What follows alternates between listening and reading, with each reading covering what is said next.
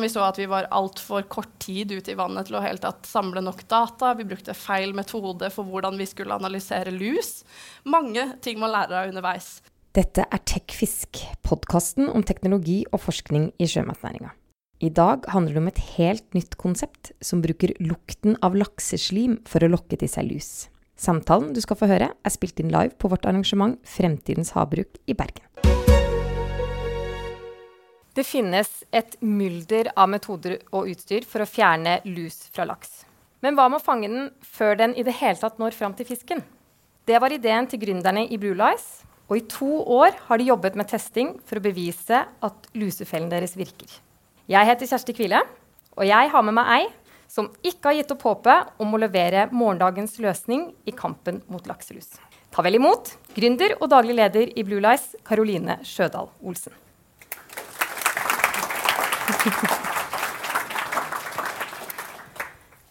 Karoline, denne lusefellen deres, hva er det for noe? Det er egentlig en uh, felle uh, som vi har funnet ut hva lakselusen tiltrekker seg når den skal finne fram til, til, en laks. Så vi bruker en kombinasjon av lys med spesielt spekter og en spesiell frekvens, og et luktmolekyl som mimikerer det lusa syns er interessant med laksen. Og har lagd det inn i et design som fungerer bra i vannet. Og på den måten så kan vi gå inn og, og være en slags eh, lurelaks for uh, lakselusa. For å kunne da ta og få ned presset for oppdretterne. Hva slags lukt er det luselarver liker, da? De liker egentlig lukta fra lakseslimet. Uh, som er det, som de trygges av når de skal finne og vet at de er på et sted hvor det er laks. Så det, det, er de veldig glade i. Og det er til og med sånn at eh, de kan sette seg på en annen fisk, og så finner de ut oi, det her smakte ikke som eh, laks. Og så hopper de av og prøver igjen. Så de er veldig selektive på, på den lukta. Hvordan er det det ser ut, da?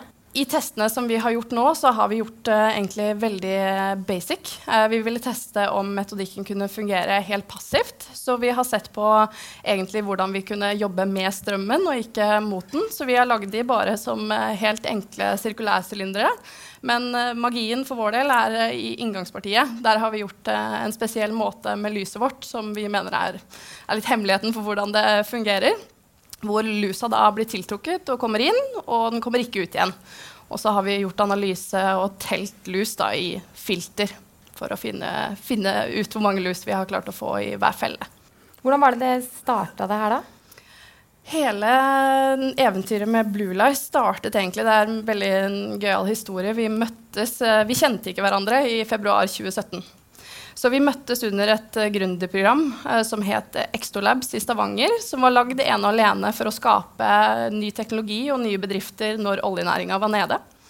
Så vi møttes, og temaet var morgendagens havbruk, ironisk nok. Og der ble vi egentlig bombardert med kunnskap fra hele næringa om hva som var problemet. Og da var jo lus en selvfølgelig den største. Uh, men vi fikk lært veldig mye og hørte på et interessant foredrag uh, av Skretting. Hvor de uh, egentlig holdt på med å lage et fôr som skulle få laksen til å ikke lukte laks lenger. Og så lurte vi på hvorfor det, og da fant vi ut det her med at lusa tiltrekker av noen spesielle ting, bl.a. av lys og lukt. Og det var sånn det startet, og da satt alle i teamet og tenkte oi, dette her må vi gjøre på, på en litt annen måte. Hvorfor involverer vi laksen? Hvorfor kan vi ikke prøve å bruke den teknologien til å og hjelpe til før problemet oppstår. Ja, for Dere er fire gründere i Blue Lies. Yes. Og ingen av dere hadde noe erfaring med næringa fra før? Nei, jeg hadde så vidt litt erfaring mens jeg studerte, eh, hvor vi hadde vært, uh, hatt noen prosjekter innenfor næringa. Men eh, de tre andre var ene og alene olje, som arbeida i olje, som ingeniører og andre. Så de hadde ikke noe direkte erfaring inn. Hvilke fordeler eller ulemper har det vært da? Jeg tror den store fordelen som vi har tenkt på i retrospekt, er at vi kom inn med et helt nytt syn. Uh, alle på teamet er utrolig nysgjerrig av natur, så jeg tror den første uka når vi hadde kommet på denne ideen, så satt vel vi konstant i telefon med oppdrettere bare for å lære og spørre helt banale spørsmål med hva de gjør til daglig for å, å hanskes med luseproblemet.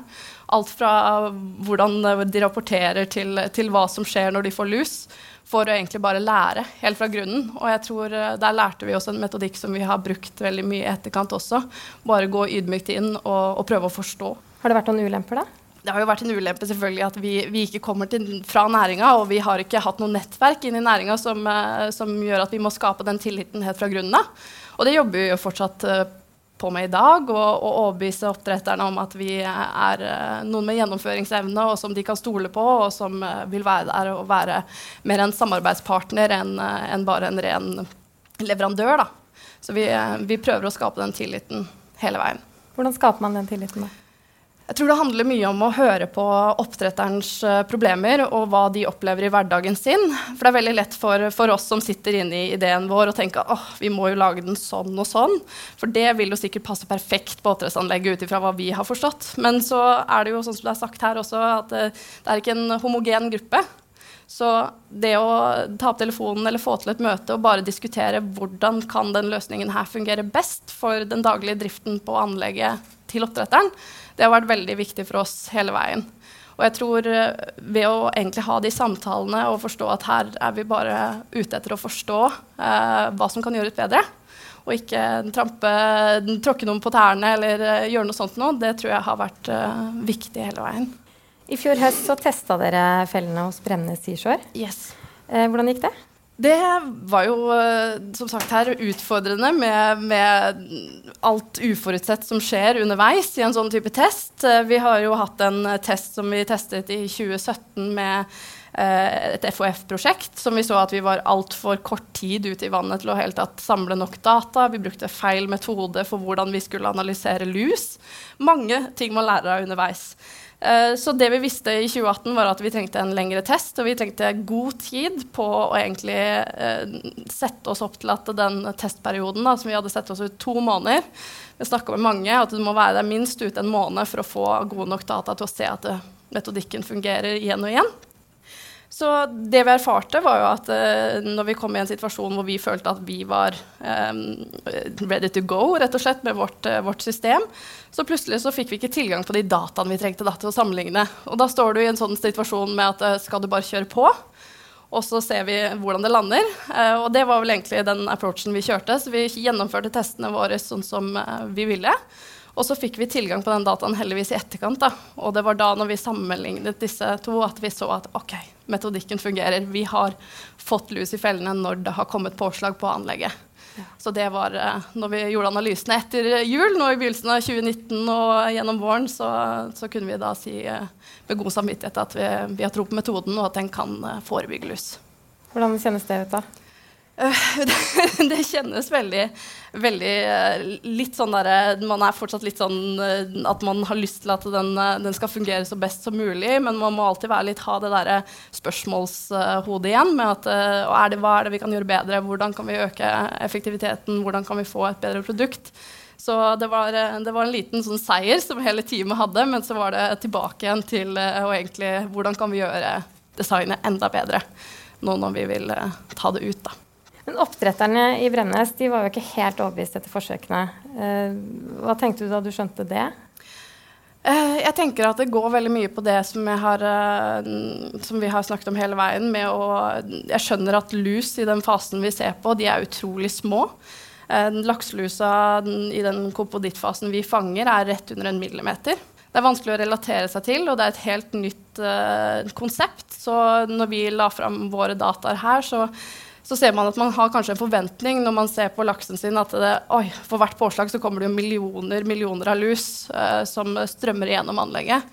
Eh, og med de dataene vi så, så var jo ikke det tilfellet. Eh, så hvert påslag er jo noe som egentlig forverrer seg over tid, og at du, til slutt du får da et problem. Så jeg tror egentlig det var en litt sånn forventningsavklaring som skulle vært på plass der. Uh, og det prøver vi nå egentlig legge til grunn med andre vi snakker om også, med å få de til å forstå um, at det er forskjell på å forebygge lus i larvefasen uh, og å behandle lus når du kan se at du har lus på fisken, og så uh, har du ikke lus etter du har behandla. det blir en annen ting å forebygge lus, hvor du da forebygger også at flere egg kommer ut og skaper denne vonde syklusen. Da. Ja, for det at Når det er forebyggende, er det vanskeligere da å få oppdrettet på kroken? Altså. Ja, for det er, det er, det her med at uh, oppdretterne mange ganger, de, i hvert fall som vi har sett, så er det, det er enklere å forstå. Sånn er det jo med de fleste mennesker, med at når du har noe å ta og føle på Så hvis du, hvis du kjører uh, en ferskvannsbehandling eller andre ting, så ser du jo et resultat momentant. Mens med en forebyggende lusefelle så vil du jo se et resultat gjerne litt lenger frem i tid. da. Uh, og der ser vi at vi er helt i startfasen for hvordan vi skal bevise det. For vi har jo mange utfordringer med tanke på det her med å telle lus uh, på fisken og få et godt nok statistisk grunnlag til å se at det virker. Men her ser vi at det er mye, mye som kommer på den banen da, som vi håper at kan gjøre den prosessen enklere. Ja, hva er dere trenger da for å kunne dokumentere effekt? Trenger, trenger egentlig at uh, når vi går inn med systemet, så, så kan du da få noe som direkte f.eks. kan se at du får en reduksjon i, i påslaget som kom på fisken.